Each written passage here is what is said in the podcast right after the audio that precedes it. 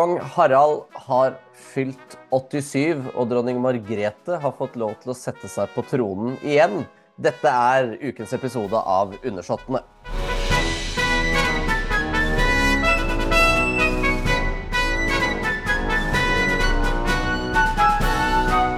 Tidvis så ramler det inn nye gjester i Undersåttene, og dem tar vi jo hjertelig imot. Og denne gangen så er det journalist som dekker kongehuset for Norges egen rikskringkasting, Vilde Helgesen.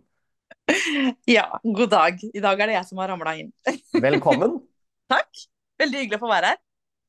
Det er jo ikke den verste podkasten å ramle inn i, vil jeg selv påstå, da, men jeg er litt subjektiv. Ikke sant. Nei, det er eh, stas. En ære å få være med. Ja, det, det, er hyggelig å høre. For uh, Hvor lenge er det du har jobbet med dette i, uh, i, NRK? Jeg har jobbet mange år i NRK, men spesifikt med dette feltet har vært uh, ja, noen år nå. både med å, å dekke liksom, det løpende, har jobbet med Eh, noen programmer eh, i satsinger i NRK. Eh, en, en, serie som gikk for noen få år tilbake, Rex Faktor. En serie om, om kongeparets statsbesøk, reiser for, for Norge. har de siste par årene jobbet med år med kongefamilien sammen med gode kollegaer i NRK. Så det har blitt intensivert de siste årene, arbeidet på dette feltet. Ja, fordi Du jobber jo da med, med Kriste Marie Skrede, er det ikke riktig? Hun har jo også vært gjest her flere ganger. Det har jeg fått med meg, så eh, jeg har store sko å fylle. Ja, og Ettersom du nevner X-Faktor, så vil jeg bare anbefale den til alle lytterne våre. For den, det er en utrolig bra dokumentarserie på, på kongeparets reiser. Så hyggelig. Jeg er helt inhabil, men jeg er helt enig. ja, det. vi, skal jo, eh, vi skal jo begynne ganske hjemlig, da. På hjemlige trakter. For uh, Kong Harald eh, hadde jo bursdag eh, på onsdag. Ble 87 år gammel 21. februar. Eh, og tradisjon tro så veit vi ingenting om feiringa. Nei, han har jo de siste årene eh, feiret dagen privat. Lenge siden det har vært en, noen sånn veldig stor eh, offentlig feiring som folk flest har fått delta på. Eh, så ehm, også i år så feiret han eh, dagen privat. Det var det eneste Slottet opplyste. Men så kunne vi eh, se da på, på, flagget som ble heist på taket på Slottet, at det var ehm, statsflagget eh, som ble heist til topps denne gangen. Og det er jo et flagg som brukes når både eh, kongen og eh, kronprinsregenten er utenlands. Så det kan jo tyde på at dagen eh, i hvert fall ble tilbrakt eh, utenfor norsk territorium. Ehm, og så har vi også kunnet se at han har eh, blank kalender denne uken, og neste uke står eh, kronprins Haakon som kronprinsregent. Og da har Slottet opplyst at det er fordi kongen er på privat opphold i, i utlandet. Så um, kan tyde på at han har eh, unnet seg en litt lengre vinterferie og reist ut av Norge. Det er eh, absolutt fortjent når du er 87 år gammel og jobber fullt.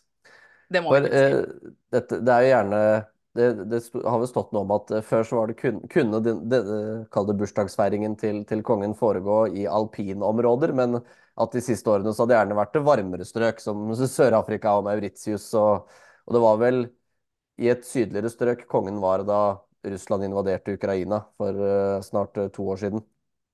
Ja, og avbrøt jo da ferien. Først var det jo da kronprinsen som, som reiste hjem, og så tok det jo ikke mange timer før også kongen avbrøt eh, sin ferie den gangen og, og, kom raskt tilbake til Norge for å kunne lede statsråd her og, og lede landet i en ganske eh, ekstraordinær situasjon.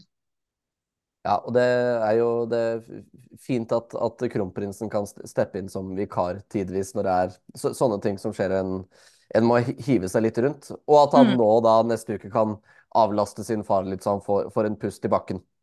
Ja, absolutt. Det har jo vært eh, travelt for, eh, for kong Harald både i hele fjor og, og hittil i år. Eh, så det er sikkert godt med en vinterferie nå. Han gjennomførte jo statsbesøk, tok imot statsbesøk fra Tanzania like før vinterferien nå, som var tett program over, over flere dager. Så velfortjent pust i bakken, må vi vel kunne si. Ja, dere hadde vel NRK en, på nrk.no en oversikt over, eller kall det, en, kall det et eh, sty, regnestykke på alle, alle de offisielle oppdragene kongen hadde vært på i året som var, og det var 431, var det det? Ja, stemmer. Vi gikk gjennom eh, den offisielle kalenderen hans, og så fikk vi noen tall fra Slottet som, som gikk på de interne arbeidsoppgavene som ikke fremkommer av kalenderen. Eh, og da ser vi at eh, til sammen i fjor så gjennomførte kong Harald 431 oppdrag for monarkiet. Og i den offisielle, altså Langt over halvparten av disse oppdragene fremkommer av den offisielle kalenderen. Så det er jo mange av oppgavene som består av audienser, høytidelige audienser, statsråd, reiser ikke minst. Eh, så det er, var et tett program for han uh, i, fjor, så vi. Absolutt. er Som, som Harald Stangele sa, han er ikke bare konge i navnet, han er konge i gavnet.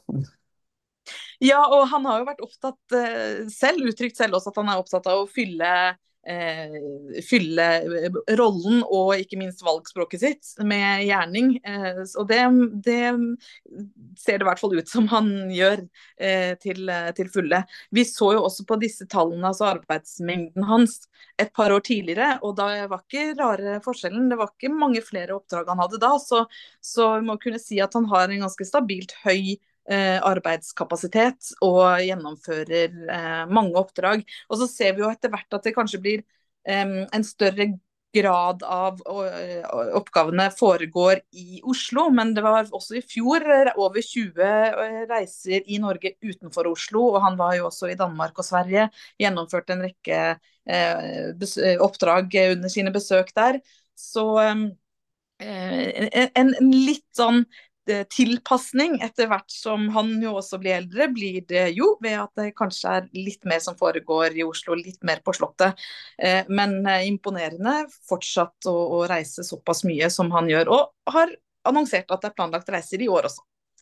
Jeg mener å ha lest, jeg husker ikke hvilket magasin som hadde det, som var en oversikt over de europeiske monarkenes uh, arbeidsmengde.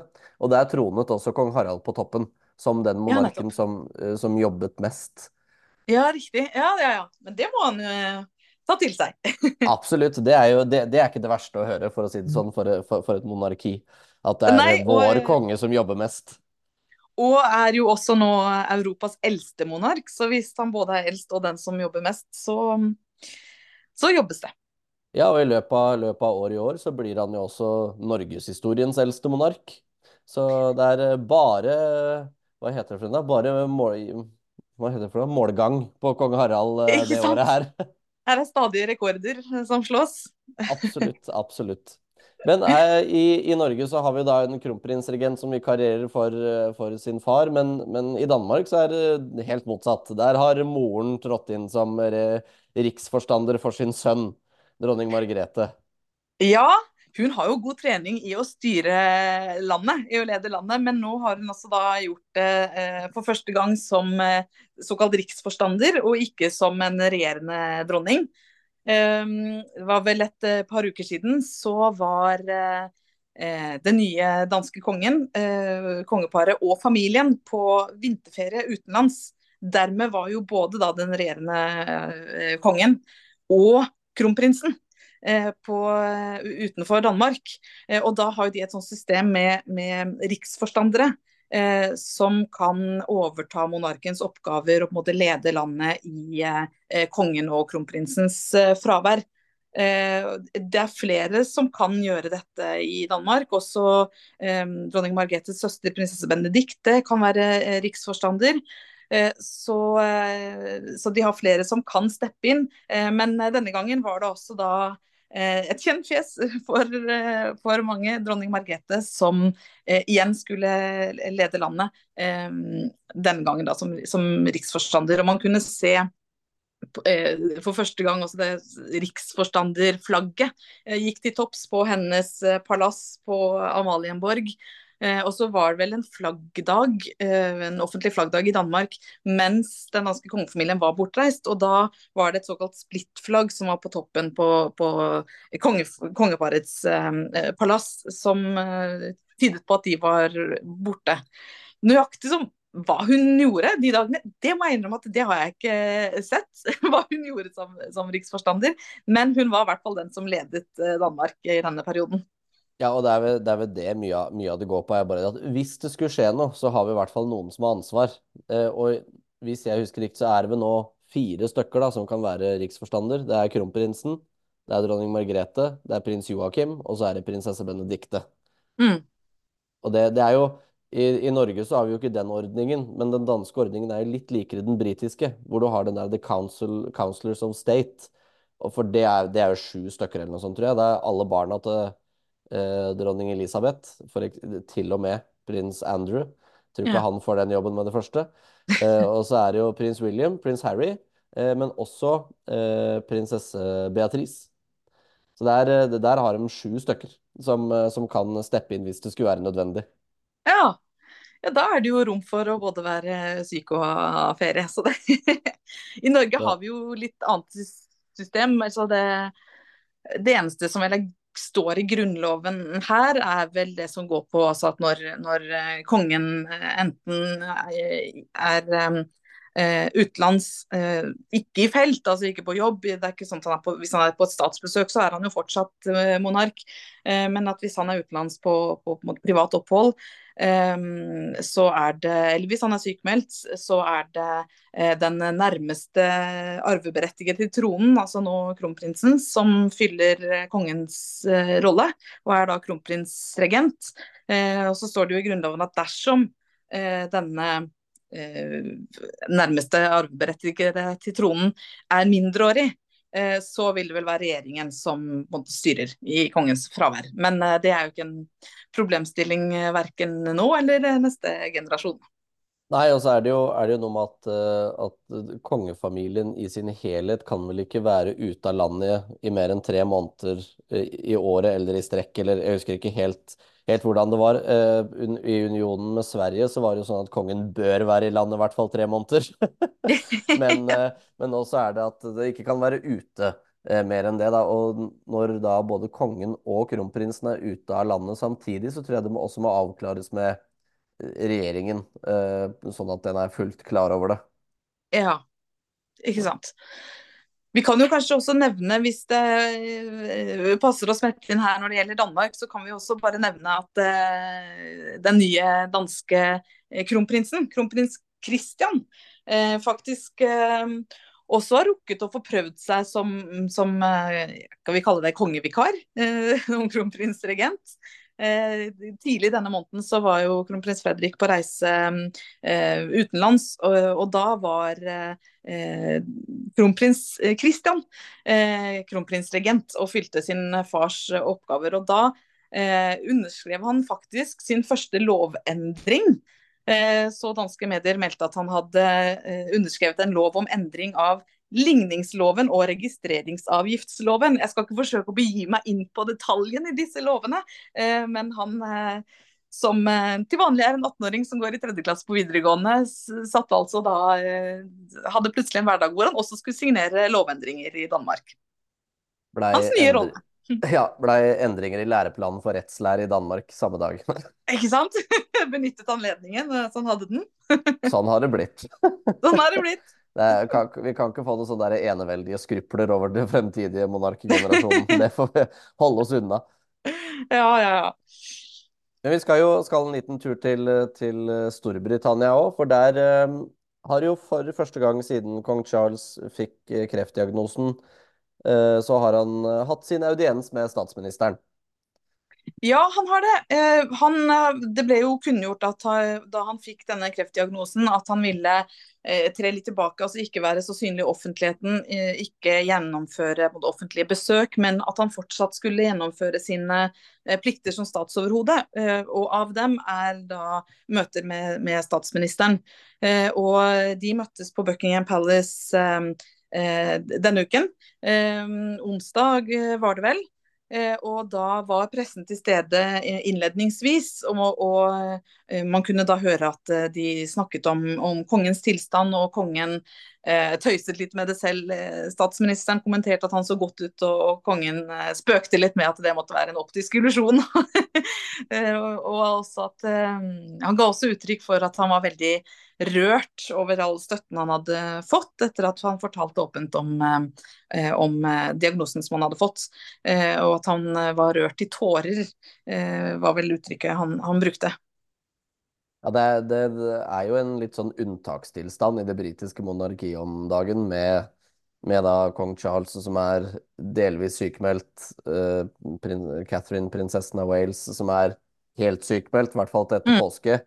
Mm. Uh, og så da blir det jo furore i britiske medier når, uh, når prins William plutselig uttaler seg om Israel og Palestina, som er første gangen den kongelige har gjort på gud veit hvor lenge. Det var en, en britisk kongehusekspert som hadde skrevet en hel del om liksom, hvorfor dette er så, er så oppsiktsvekkende. Ja, altså det er jo ikke vanlig at det kongelige går inn i ganske uh, politisk betente uh, saker, eller flagger noe politisk uh, mening i det hele tatt.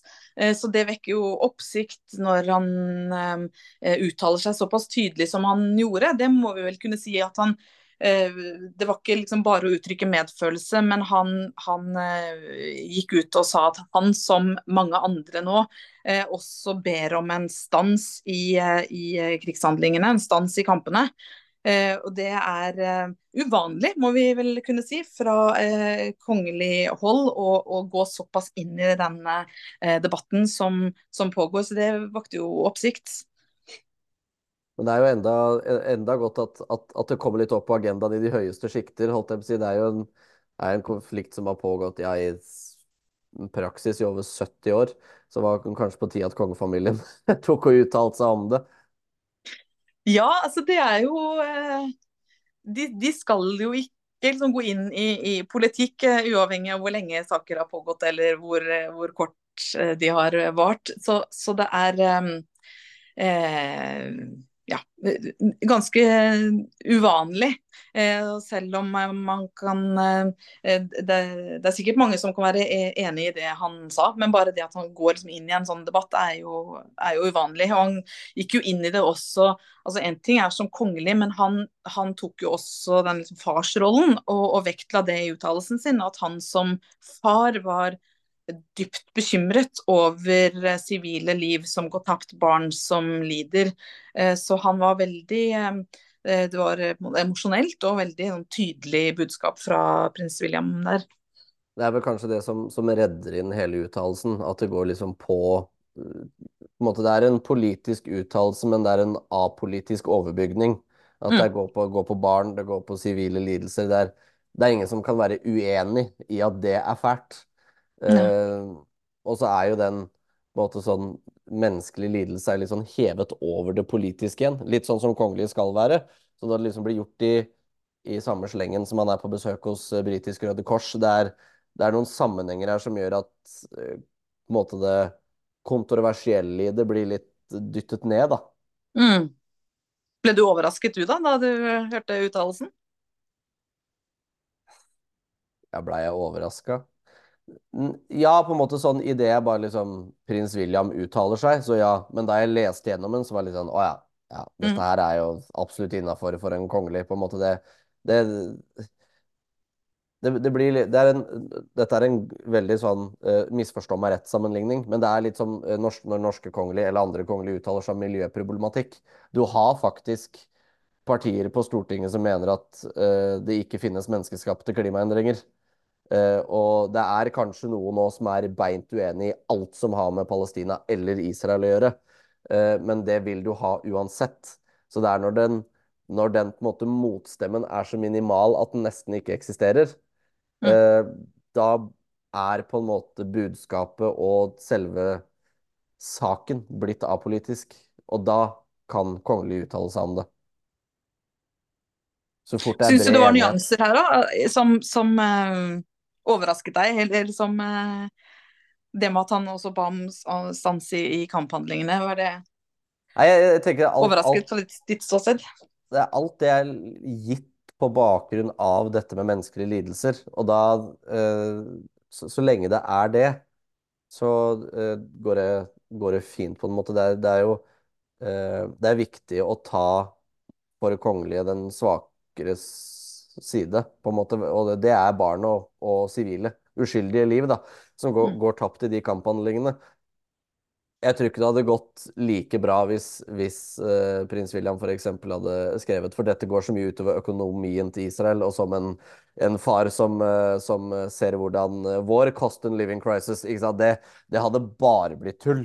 Eh, så det, det, det er noe med at vinklingen er riktig. Eh, og nå høres det ut som at jeg ikke tror på det prins William sier, men det er ikke riktig. Jeg tror, jeg Mm. tror på det. At liksom Mm. sånn det å Vi har jo alle fått se bildene av hvordan, hvordan ting er på på Gaza. Eh, Mm. og det Jeg er ikke far engang, og syns det er rett og slett, unnskyld uttrykket, helt jævlig. Mm. så det at prins William, som da har barn og reagerer på det, og bruker rollen sin til å prøve å ikke forhindre det, kanskje, men å jobbe mot en løsning, det er jo bare fint, tenker jeg. Ja. Og så har det jo kommet fram vel etterpå også at det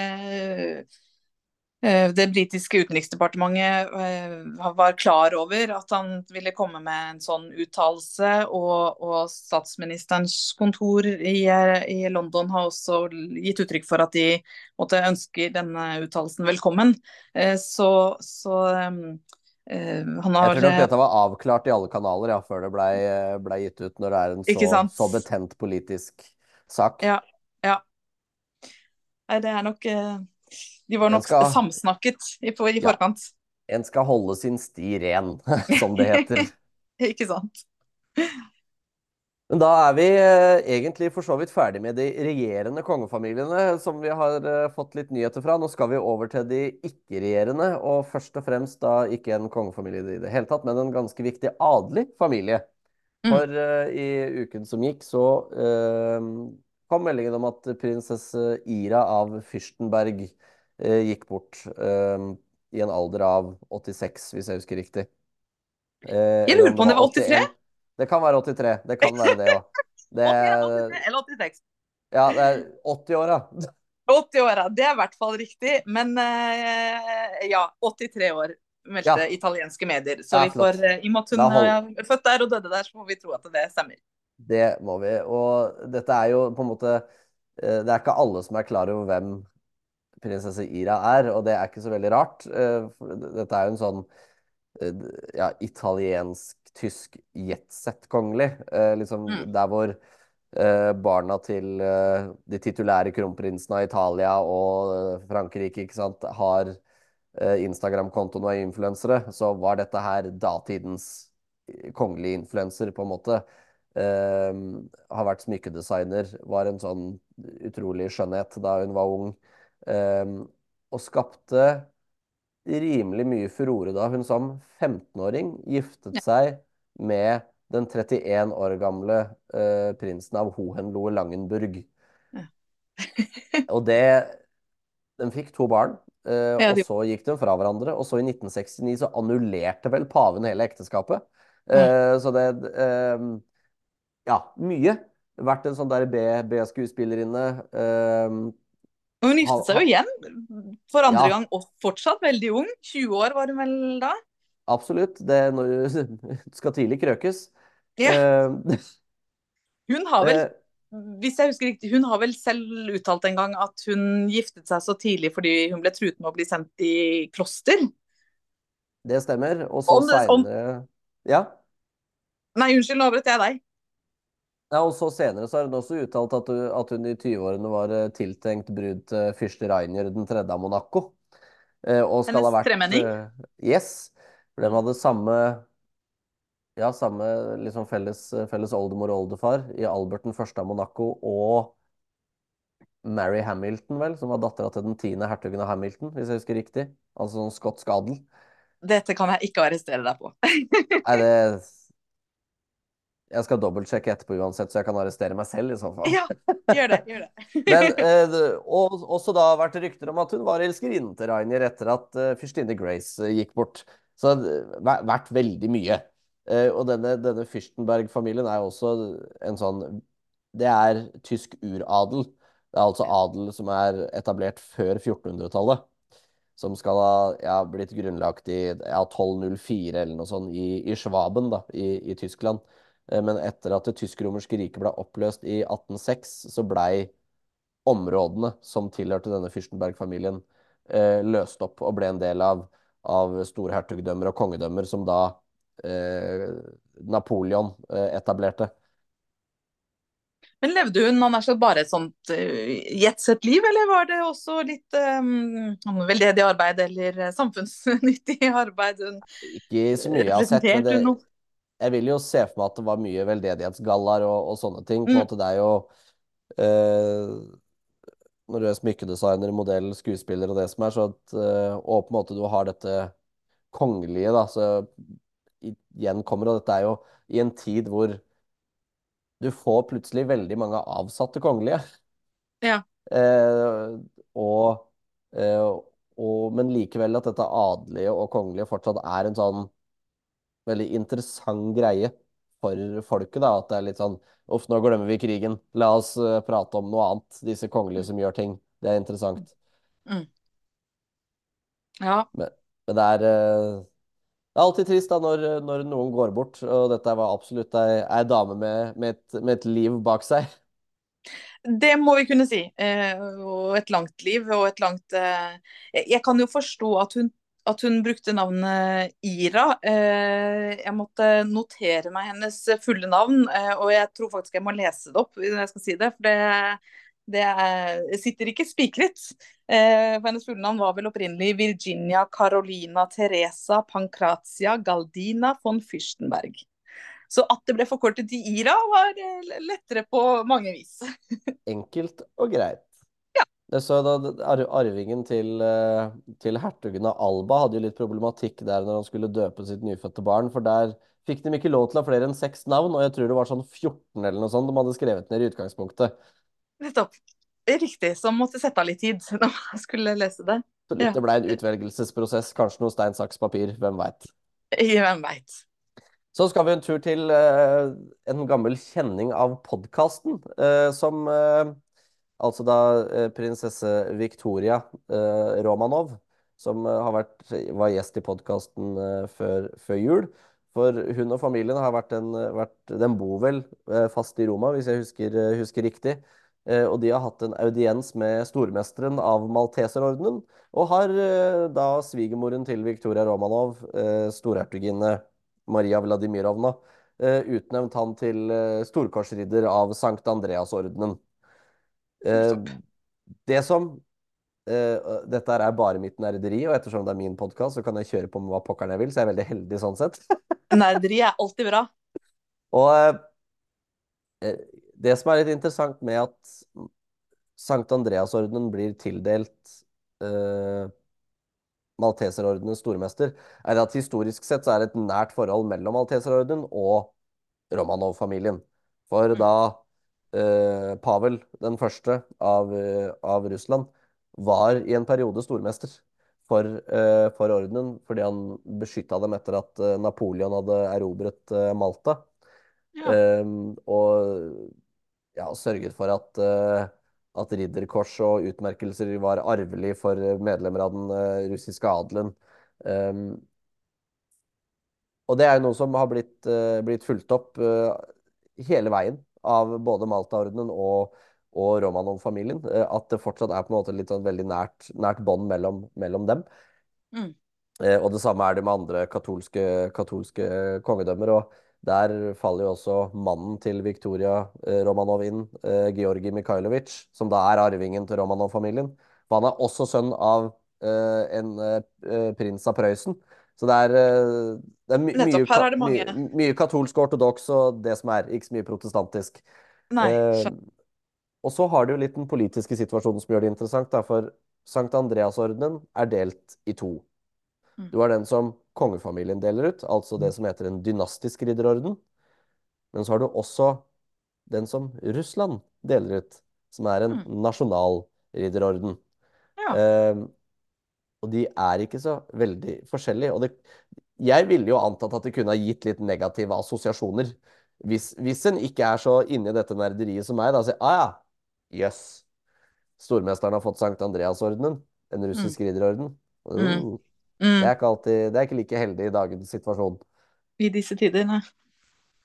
Men det er, eh, det, det er, det er interessant å se at, at disse avsatte kongefamiliene fortsatt opprettholder et eller annet sånn snev støvsky av noe, noe kongelig, da. Mm. Så blei vel også Viktoria Romanov eh, oppgradert, holdt jeg på å si, i eh, hva heter det, forfremmet innad Forfremmet, i, ja. Forfremmet innad i, i Malta-ordenen. Nettopp. Riktig. Så det er fortsatt et snev av sånn opphøydhet. eh, også hos disse ikke så kongelige eh, familiene. Ja, og det er, denne malteserordenen, det, den er jo absolutt en kall det maktfaktor. Da. Det er en orden som, som ligger under pavedømmet, eh, Mm. og som har hatt pavens beskyttelse siden 1200-tallet, vel, om jeg tenker. Har, nei da. Eh, jo, det er siden 1100-tallet, for den ble grunnlagt i 1048. Så det er jo snart tusen, tusenårsjubileum for, eh, for ordenen.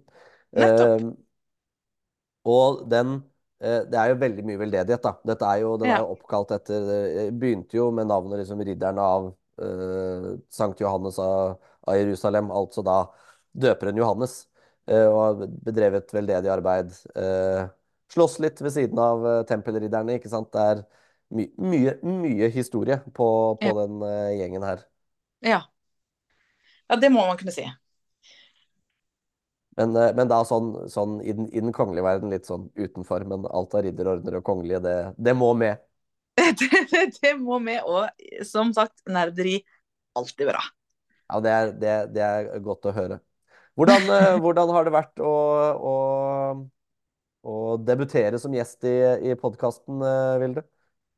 Veldig hyggelig.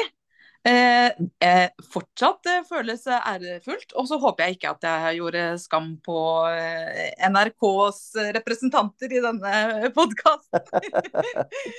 jeg vet jo at Kristi Marie Skrede, min gode kollega, har bidratt godt flere ganger. Så eh, ja. jeg håper jeg klarte å fylle, fylle de skoene sånn noenlunde, i hvert fall. Jeg kan berolige deg med at jeg veldig gjerne vil at du skal komme tilbake igjen eh, neste gang eh, sjansen byr seg. Så hyggelig! Da sier jeg ja til, takk til det allerede nå. Tusen takk for at du gjestet podkasten, Vilde Helgesen, og til våre lyttere. Vi lyttes.